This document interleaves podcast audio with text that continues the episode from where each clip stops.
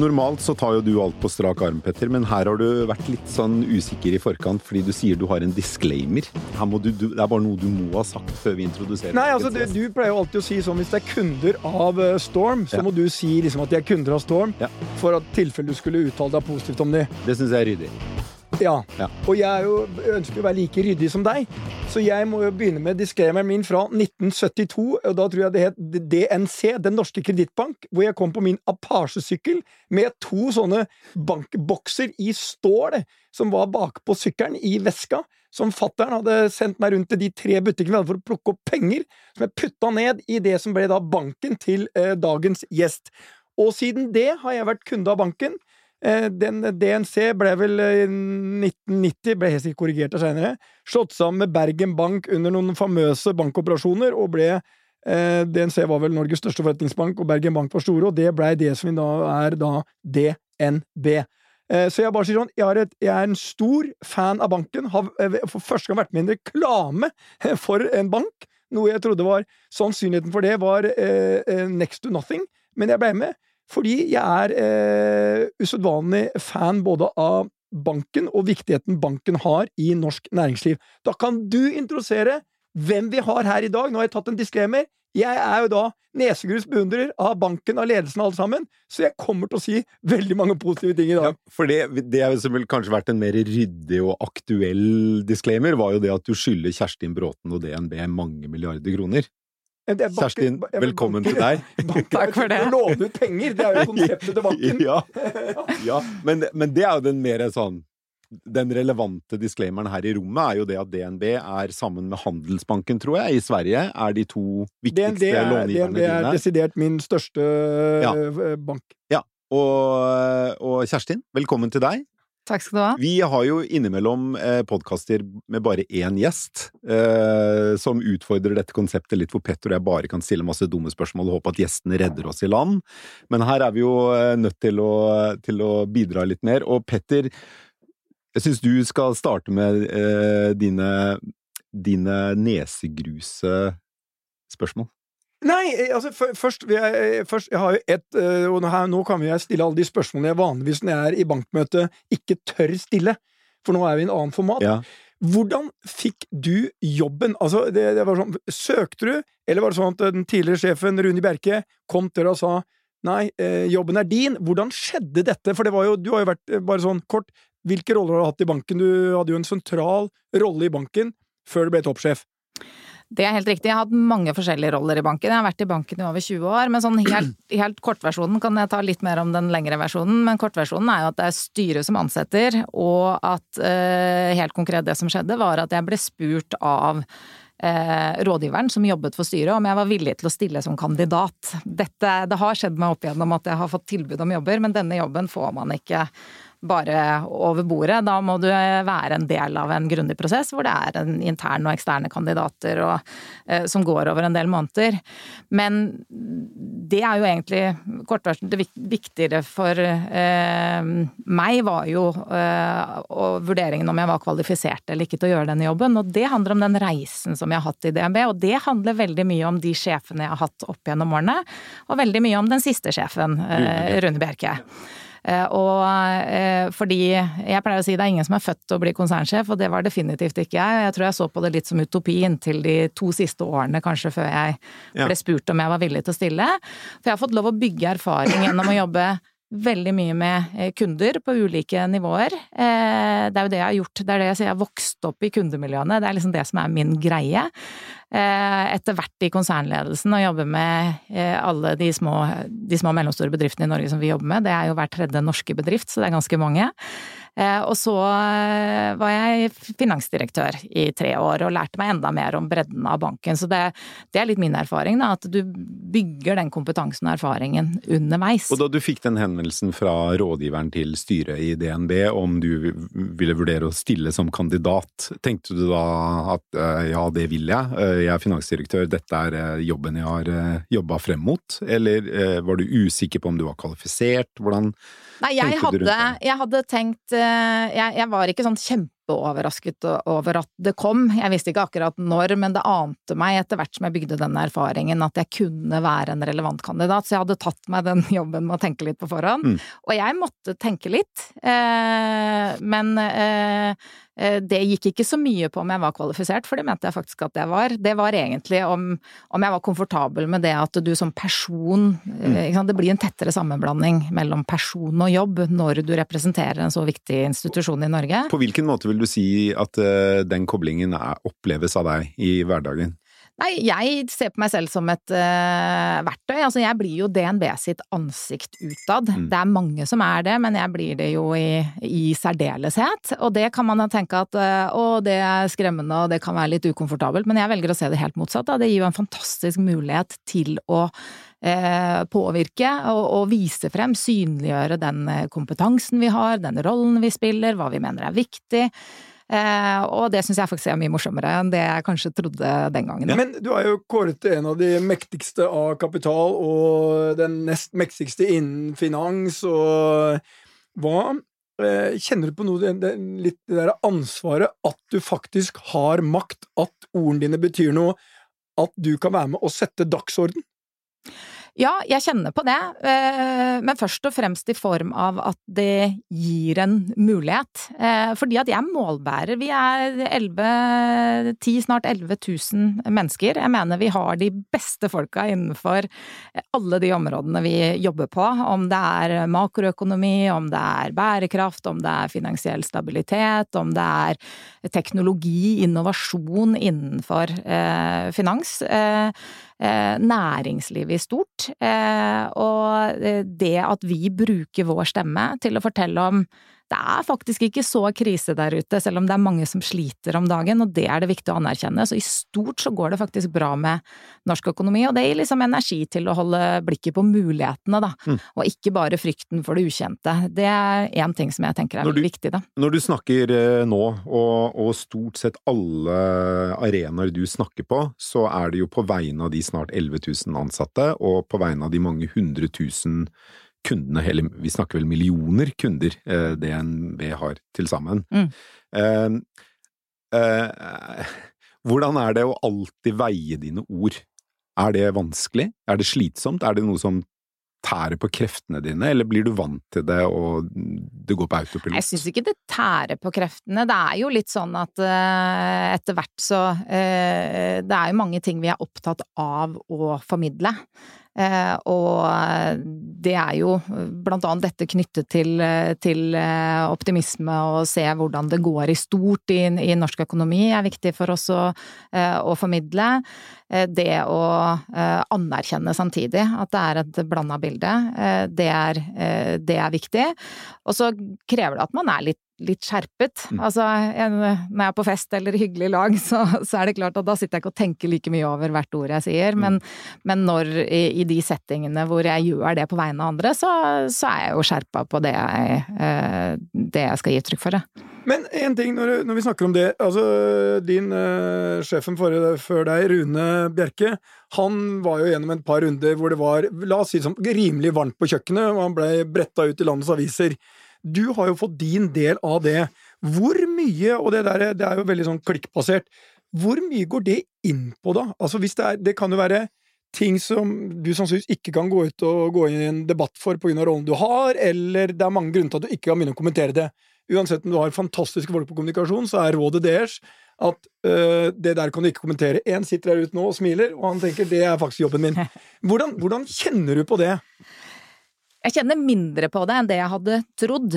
Og det er litt sånn eh, som man ikke vet på forhånd. Mm. Men eh, eh, du har jo veldig ofte ansiktet ditt på forsiden av ja. Eh, avisen, Petter. Og jeg, jeg håper, ikke det, og, håper ikke det styrer humøret ditt. Så det er også noe med å hente i det faglige og skjønne den jobben. Altså, jeg kan jo si at eh, jeg skulle ønske journalistene tok mer ansvar for et nyansert bilde. Ja. Men det er jo ikke det som er deres jobb. Eh, det har jeg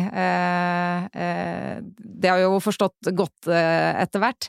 Eh, men det er klart, eh, det å det å fronte noe som, eh, hvor du vet mer om saken enn det journalisten gjør, det er bedre enn hvis det kommer noe som, du over, Mm. som ikke du kjenner til. Mm. Og det har jeg sluppet å oppleve enn enn så lenge. Vi har jo stått i hardt vær eh, på grunn av den utrolig viktige jobben vi gjør med, med økonomisk kriminalitet, eh, blant annet. Og, og det er klart at når jeg vet hvor ekstremt hardt vår organisasjon jobber, og hvor mange hundre mennesker vi har på dette, eh, så til tross for at vi ikke er der hvor vi skal være, så er det greit nok. Mm. At alle skal fortelle om at de har kjøpt meg nytt hus, det er ikke så kult. Nei. Nei, ja, men det, jeg kan fortelle alt om det. Nytt hus er jo en svær sak. Altså, det er langt mindre ting. Bare, bare en ansatt hos deg får noen parkeringsbøter, så er det stor nok sak til at det blir noen overskrifter. Men for det er jo Men- den store forskjellen mellom dere to, vil jeg si, er jo at mens du, Petter, du kan si og gjøre det aller meste og slippe unna med det, det kan jo ikke du, Kjerstin. Nei. Eh, Du leder DNB, en stor norsk bank. Staten er inne som eier. Det er på mange måter Norges finansinstitusjon nummer én, ved siden av Norges Bank. En privat eh, långiver. Så alt du sier blir jo tatt til inntekt for DNB. Jeg snakker jo ikke som Kjerstin Bråten, jeg snakker som Kjerstin Ja. Bråten, konsernsjef i Vi hadde jo Rune Bjerke i en setting akkurat som denne for noen år tilbake. Øh, Det var vel bare noen uker før han gikk av og du tiltrådte som konsernsjef i DNB, hvor vi snakket om blant annet også det måten han kommuniserte som konsernsjef, og det han angrer aller mest på, så vidt jeg kan huske, det var jo dette spleiselaget han snakket om. Mm.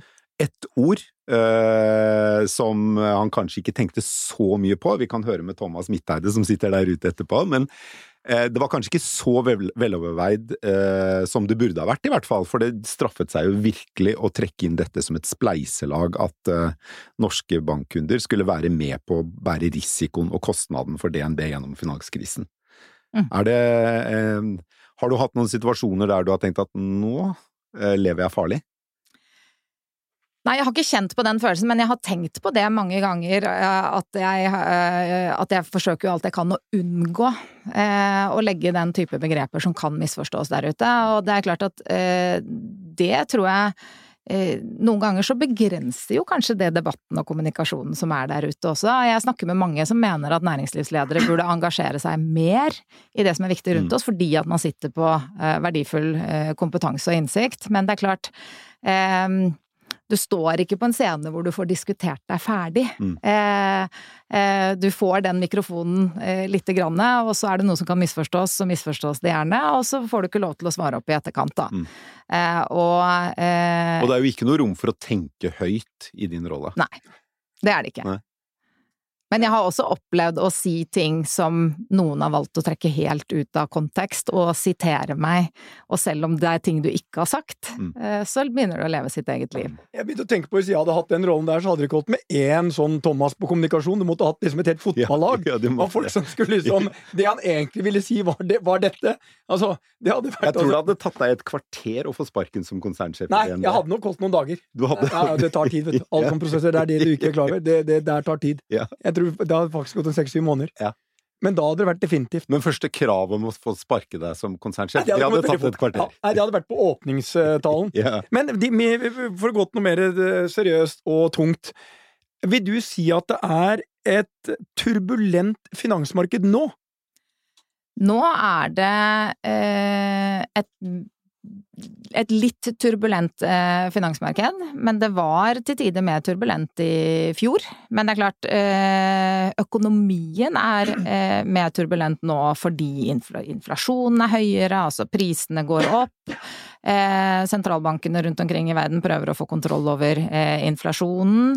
Eh, det er mye knyttet til energitransisjon og energikrise, etterdønninger etter krigen. Det er fortsatt litt sånn heklete i verdikjedene eh, og, og logistikken med å få levert varer og deler til en del selskaper, selv om noen av disse tingene begynner å bedre seg. Eh, men samtidig så eh, er det jo eh, Altså, økonomien fortsetter å gå bedre enn det de aller fleste tror. Vi snakker mye mer om den turbulensen enn, enn det faktisk at eh, det går eh, ganske bra. Og det at sentralbankene prøver å sette opp renta, det handler jo om å få ned etterspørselen. Men den etterspørselen, den er eh, fortsetter å være høyere, da. Enn det man har forventet. Tror du inflasjonen kommer ned til eh, det nivået vi har vært vant til gjennom 20 år? Jeg er helt sikker på at inflasjonen kommer ned. Eh, det er sentralbanken så tydelig på. Eh, og så er det jo litt mer uenighet nå om akkurat hvor høyt må renta gå for at den inflasjonen skal komme ned, og hvor fort kommer den ned. Eh, det er det litt større usikkerhet rundt. Men inflasjonen kommer til å komme ned, og det er viktig, for da er det lettere å investere eller gjøre nye prosjekter. Dette kjenner vel dere også på, eh, Petter, i din ja, hverdag? sant? Men, men en ting, du har jo eh, sagt at eh, ledere skal ikke være autoritære, men de skal være tydelige.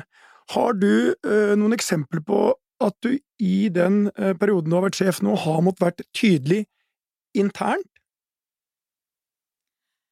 Ja, jeg har uh, jeg, jeg... Men de kan ikke tas her i poden? Altså tydelig eh, tyd, Tydelig kan jo være så mangt, da. Eh, jeg er veldig opptatt av å være tydelig når jeg kommuniserer en retning vi eh, skal gå i, for eksempel. Eh, at vi både må jobbe med bærekraftige løsninger, men samtidig må være lønnsomme. Det er viktig. At eh, vi må vokse og være lønnsomme samtidig. Eh, det er viktig. At vi vi jobber mye med hybrid arbeidshverdag. Det at det å være på kontoret er en veldig viktig del av eh, av kulturen, lojaliteten, eh, det å være på samme lag. Mm. Det er ting eh, jeg gjerne er tydelig på. Så opplever jo jeg at vi er ganske synk, da, i stort, selv om det er klart at vi er et utsnitt av samfunnet, men det er veldig sjelden. Altså når er det du må være kjempetydelig? Da tenker jeg på en situasjon hvor eh, noen mener helt forskjellige ting. Det, eh, det, kan vi gjøre i konsernledelsen, og diskutere så busta fyker noen ganger. Eh, jeg tror ikke jeg skal ta det her, men sånn i, til organisasjonen i stort, så føler jeg jeg, jeg kan liksom ikke huske at vi har vært så langt fra hverandre at jeg føler jeg må gå ut og, og, og peke en helt annen retning, da. Har du, har, du hatt, har du noen ledelsesforbilder, eller har du hatt det? Jeg har hentet mine forbilder veldig tett på, jeg.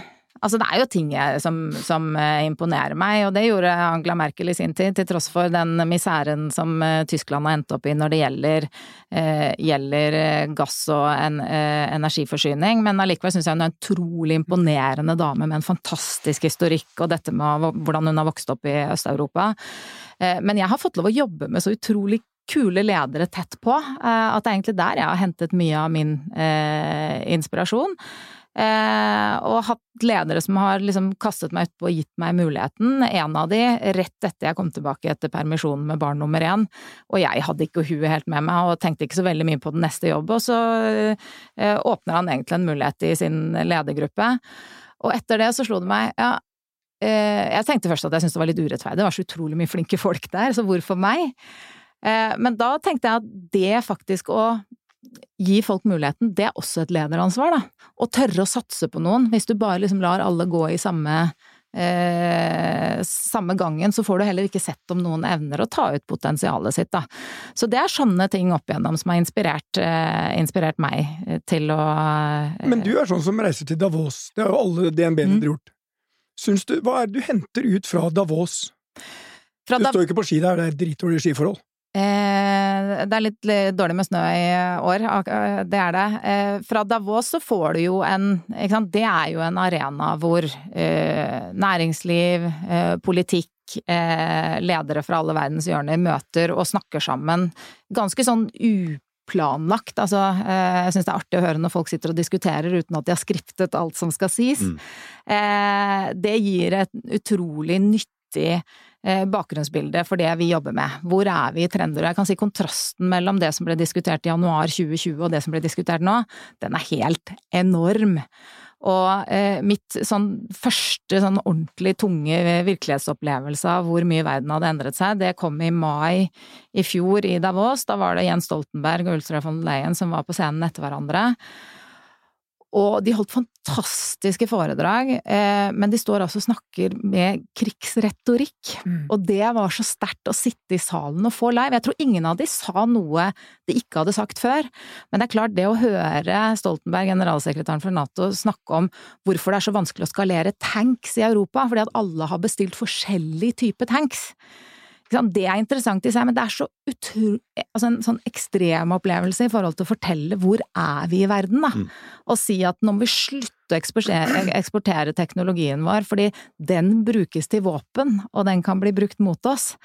Eh, sånn at eh, det å ha fingeren på pulsen, da, for en som har den eh, jobben jeg har i, eh, i hverdagen, i en virkelighet som forandrer seg så mye som nå, det er nyttig. Men fingeren på pulsen, hva mener du er de viktigste egenskapene man må ha for å være toppleder som deg? En eller to egenskaper. Hva er liksom det viktigste? Det viktigste er jo å eh, tørre å velge folk som er flinkere enn seg sjøl, tenker jeg. Eh, og tørre å velge folk som har ulike egenskaper. Også eh, en annen ting jeg syns er viktig, som er en ting jeg brukte altfor lang tid på, kan jeg tenke etter det, men det er faktisk å gjøre det på sin måte, da.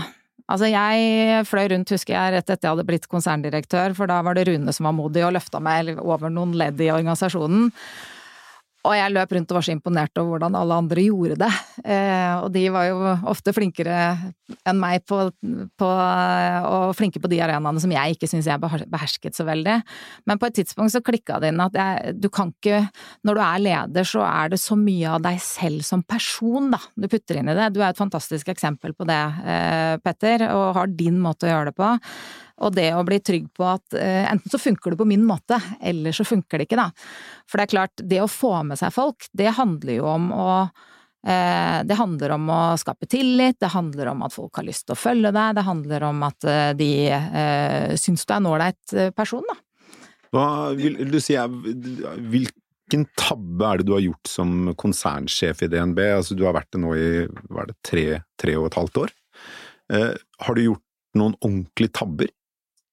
Jeg har gjort noen tabber som jeg heller ikke har tenkt å ta opp på lufta, men, men, ehm, men eh, jeg er ikke så redd for tabber, da. Altså, jeg har noen konkrete eh, på investeringsfronten, for eksempel ting hvis noe vi sa nei til som vi skulle ha sagt ja til og sånn. Men eh, jeg er opptatt av fart, jeg. Ikke sant? Jeg vil heller ha folk som gjør mange ting, og så er noen av de gale, mm. heller enn å ikke gjør noe. Det er klart, Vi er et system som driver så enormt mye av regler og rammer, og det er så mange ting vi skal gjøre riktig. Mm. At noe av det viktigste jeg gjør, er jo å eh, spille opp motet til folk. Mot og sulten til å finne løsninger sammen med kundene og gjøre hvordan, ting. Da. Hvordan har du endret deg som eh, sjef i DNB i de tre og et halvt årene? Nei, det syns jeg er vanskelig å svare på hvordan jeg endra meg de siste tre og et halvt årene, men jeg har jo øh, øh, øh, Nei, jeg Det er så gradvis, da, syns jeg. Jeg var ikke sikker på at jeg skulle bli sjef i det hele tatt, så gjennom disse årene så har jeg endra meg, men, eh, men øh, jobber mye med å skape de det miljøet som gjør at folk tar ut det beste i seg, da. Det er det jeg er opptatt av. Og jo mer sjef du blir, jo mer må du eh, snakke ned og ufarliggjøre, tenker jeg. Sånn at folk eh, er trygge, rett og slett. Mm. Ja, vi må innom de litt vanskelige temaene, og her er jo Per og jeg høyst uenige, sannsynligvis, eh, men vi må jo ta det opp uansett. Det er, og jeg vet ikke hvor stor i hvor stor grad du i det hele tatt kan involvere deg i det, men uh, det er en kjent sak at uh, i hvert fall tror jeg, at eh, hadde det ikke vært for statens betydelige eierskap i banken din, eh, så ville den fort vært et filialforetak av et stort internasjonalt bankkonsortie. Mm. Jeg tror det er få som forstår hvilken katastrofe det ville vært for Norge. Har du anledning til, i den rollen du er, å påvirke det, for dette er jo basically en politisk beslutning, um, jeg ville jo fått fakkeltog i gatene hvis den risikoen kom, eh, fordi jeg ser hvor viktig DNB er for norsk næringsliv. At det er en norskkontrollert bank. Eh, men jeg, mitt inntrykk er at det er veldig mange som ikke forstår det, og har bare et veldig sånn prinsipielt forhold til at nei, staten skal ikke eie en bank, liksom, eller kontrollere en bank. Kan du jobbe med de problemstillingene, eller er det utenfor, eller kan styreformannen din gjøre, eller kan liksom Um, Nei, altså, vi kan jobbe med de problemstillingene i kraft, altså akkurat på den måten som du sier, og fortsette å snakke om hvor viktig det er. Og så opplever ikke jeg eller vi at det er et spørsmål oppe for diskusjon. Og så er det en liten nyanse på kontroll. De har negativ kontroll. Mm. ja, men i, bank, i i banksammenheng og i banksammenheng så betyr Ja, det de har kontroll på. Ikke sant? Det er viktig hva de har kontroll på. Ikke, de har jo ikke kontroll på hva vi driver med i hverdagen. De sitter jo ikke involvert i enkeltsaker hos oss. Men de har kontroll på at ikke det kommer en aktør fra utlandet og kjøper oss, akkurat som du sier. Og det ville skjedd hvis ikke de hadde sittet der. Og det tror jeg en, eh, var og er en veldig klok avgjørelse, og viktig for oss, viktig for Norge, viktig for norsk, norsk næringsliv. Eh, og så er det også viktig at ikke de blander seg inn i hvordan vi gjør ting. Eh, for da, det er vanskelig å drive bank som, eh, som, stat, så de er veldig tydelige på at de har én grunn til å være en eier, og det er nettopp for å forhindre det Eh, det eh, du sier, Petter, at det skal komme noen andre og kjøpe oss. Utover det så har vi kvartalsvis investormøte med dem på lik linje som vi har med de andre store investorene. De forventer at vi skal optimalisere eh, og skape så store verdier som mulig, og drive denne virksomheten best mulig, da. Så jeg opplever at det bildet med hvor ille det ville vært for norsk næringsliv, det deles.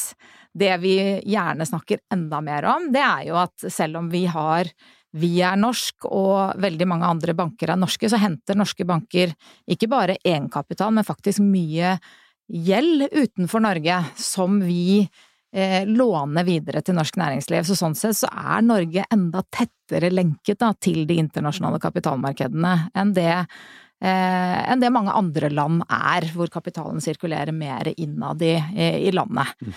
Og da betyr sant, hvilken risiko opplever man eh, det er i Norge, eh, hvor konkurransedyktige er vi, hvor attraktive Det at vi er attraktive, det gjør at kapitalen blir billigere for næringslivet, alt annet likt da. Risiko nevnte du. Eh, hvilken del av norsk næringsliv mener du det er mest risiko i nå?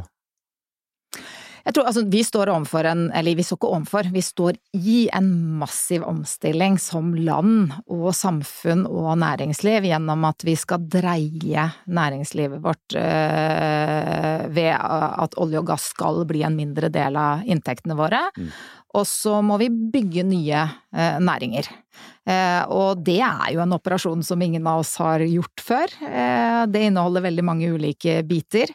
Eh, men vi skal jo bygge opp nye næringer knytta til hydrogen, knyttet til batteri, knyttet til det maritime for eksempel, som skal gå på annen bensin enn den vi har brukt til nå. Og det vi har i Norge er jo en tung leverandørindustri til, til det vi pleier å kalle olje og gass, men som vi nå kaller energibransjen i stort, da. Mm. Eh, og det er jo det konkurransefortrinnet vi må eh, videreutvikle, pluss at vi er en stor aktør innenfor det maritime. Men det er klart, eh, om 10-15 år så vil sammensetningen av eh, det folk jobber med i Norge være veldig annerledes enn i dag, da. Men eh, til risiko, hva, hva, hvilken del av norsk næringsliv tenker du har størst utfordringer nå? Hva er det du er Hvor skal man være mest bekymret? Ja, vi, øh, vi øh, har ikke sagt at vi er øh, veldig bekymret for enkeltnæringer sånn fra vårt ståsted som bank, men vi er jo en stor, eh, robust bank med en diversifisert portefølje. Men i dagens økonomi, sånn i det korte bildet, så er det jo gjerne, eh, gjerne eh, retail-aktører, altså mm. forhandlere innenfor, innenfor elektronikk, eller vi ser jo at folk har fått mindre penger å rutte med i og med at de bruker mer penger på eh, lånet sitt, og de bruker mer penger på strøm, eh, så bruker man jo mindre penger på noe. Mm. Og det er jo gjerne forbruksvarer. Det er gjerne de tingene vi brukte mye penger på under pandemien. Det var veldig mange som pussa opp huset sitt eller leiligheten sin. Nå er det veldig mange færre som gjør, som gjør det. Eh, så det er jo de næringene som nok opplever dagens eh, situasjon mer på kroppen enn andre, da. Så har du andre næringer, sånn som olje og gass, og, eh, som jo eh, går så det griner. Mm. Men jeg må jo si, eh, vi begynner jo å nærme oss uh, tida her, eh, Per. Jeg møter jo mange ledere, og det er alltid ledere som noen få som stikker ut og imponerer meg. Og jeg tror nok det er veldig mange der ute som hører på poden, som tenker på liksom, hva er det viktigste i en, i en relasjon til en bank? Eh, og der eh, lærte jeg til at tillit er ekstremt viktig, og den går begge veier. Um, og jeg opplever jo, jeg har vært i DNB i når ting har vært veldig bra, og når ting har vært uh, betydelig krise. Og jeg må si én ting, og der skiller DNB seg ut som bank. Uh, og det er nok få som tror at uh, en som sitter på toppen, har det, den innsikten og, og nærheten til det som skjer, og hvordan man skal håndtere det. Og det Det der er sånn. En leder vil påvirke en hel organisasjon. Så selv om vi har jobbet med forskjellige nivåer i DNB, så opplevde jeg at eh, signalene fra toppen, blant annet gjennom pandemien, var veldig klare. Vi har et ansvar som er med å løfte liksom, eh, næringslivet i Norge gjennom pandemien. Derfor eh, ble jeg enda mer sånn, bevisst på viktigheten av det. Jeg er usikker på om eh, Kjerstin Bråten kunne sendt de samme klare signalene på det ansvaret man har eh, hvis hun hadde vært et filialforetak av noen som satt i en investmentbank i USA. Mm. For da tror jeg hun hadde fått beskjed om å gjøre det, og så måtte hun gjøre det. Mm. Og nå kan hun gjøre det, som ikke bare er bra for banken og aksjonærene, men også bra for landet. Det her kan hun selvfølgelig ikke si, for hun skal bare være opptatt av aksjonærene. Men, men det, var, det, er min opplevelse Ja. av det. Altså, du, du, jeg forsto deg som at du trodde jeg mente at det er feil at staten eier i DNB, og det gjør jeg egentlig ikke. For jeg tror det er et av få selskaper det er fornuftig at staten har Å ja, du har noen unntak? Jeg har noen Dette unntak, og- men, men det er ett av veldig få. Da. Jeg Ja. mener det er bedre grunn for eksempel at staten skal ha en negativ kontroll over DNB enn en kontroll i Equinor. Eh, fordi vi det skal ikke er- ta den diskusjonen. Nei, men ikke sant, det er noe med, Tenk det er noe med det å ha en sterk det- finansaktør som er kontrollert er av, av, av, nordmenn. Eh, Det, det tror jeg har en stor Og er ikke, og det er ikke vanskelig å si at eh, Jeg kan godt si at det er akkurat det du beskriver som hadde skjedd, Petter. For det har vi sett veldig mange ganger. Og vi har sett land som ikke har store, solide aktører på egen jord, eh, fokusere andre steder når ting blir vanskelig. Så Og for DNB på nasjonalt nivå blir jo mye av det samme. Det er jo de samme mekanismene som en sparebank i et lokalmiljø, og det er jo den nærheten til kundene, forståelsen for kundene og det markedet de opererer i, som jo er, er veldig viktig. Og så er vi også lokale i hele Norge, sant. Så Ja det blir jo både lokalt og Mm. totalt. Er du på Vips, eh, Per? Selvfølgelig. Ja, jeg bare lurte på det. Det må man bruke. Ja. Selv jeg har kommet meg på Vips nå. Ja. Er det en ganske nylig? Ja, det, er, det vil jeg si er ganske Det var på tide, Petter. Ja, Ja, det, var det var faktisk fordi jeg, det var faktisk fordi jeg skulle møte Kjersti i dag. tenkte jeg. Var det, ja, var det Jeg har alle andre som vipser for meg, men nå er jeg på Vips. Og det er faktisk jævlig smart. Det er jo helt genialt. Ja. Men nå, dere har kjøpt et svensk eh, selskap, var det ikke det? Eh, dansk. Dans? Vi fusjonerer med det danske Vips som heter MobilePay. MobilePay, ja. Hvordan eh, er det med svenskene? Der svisjer man jo.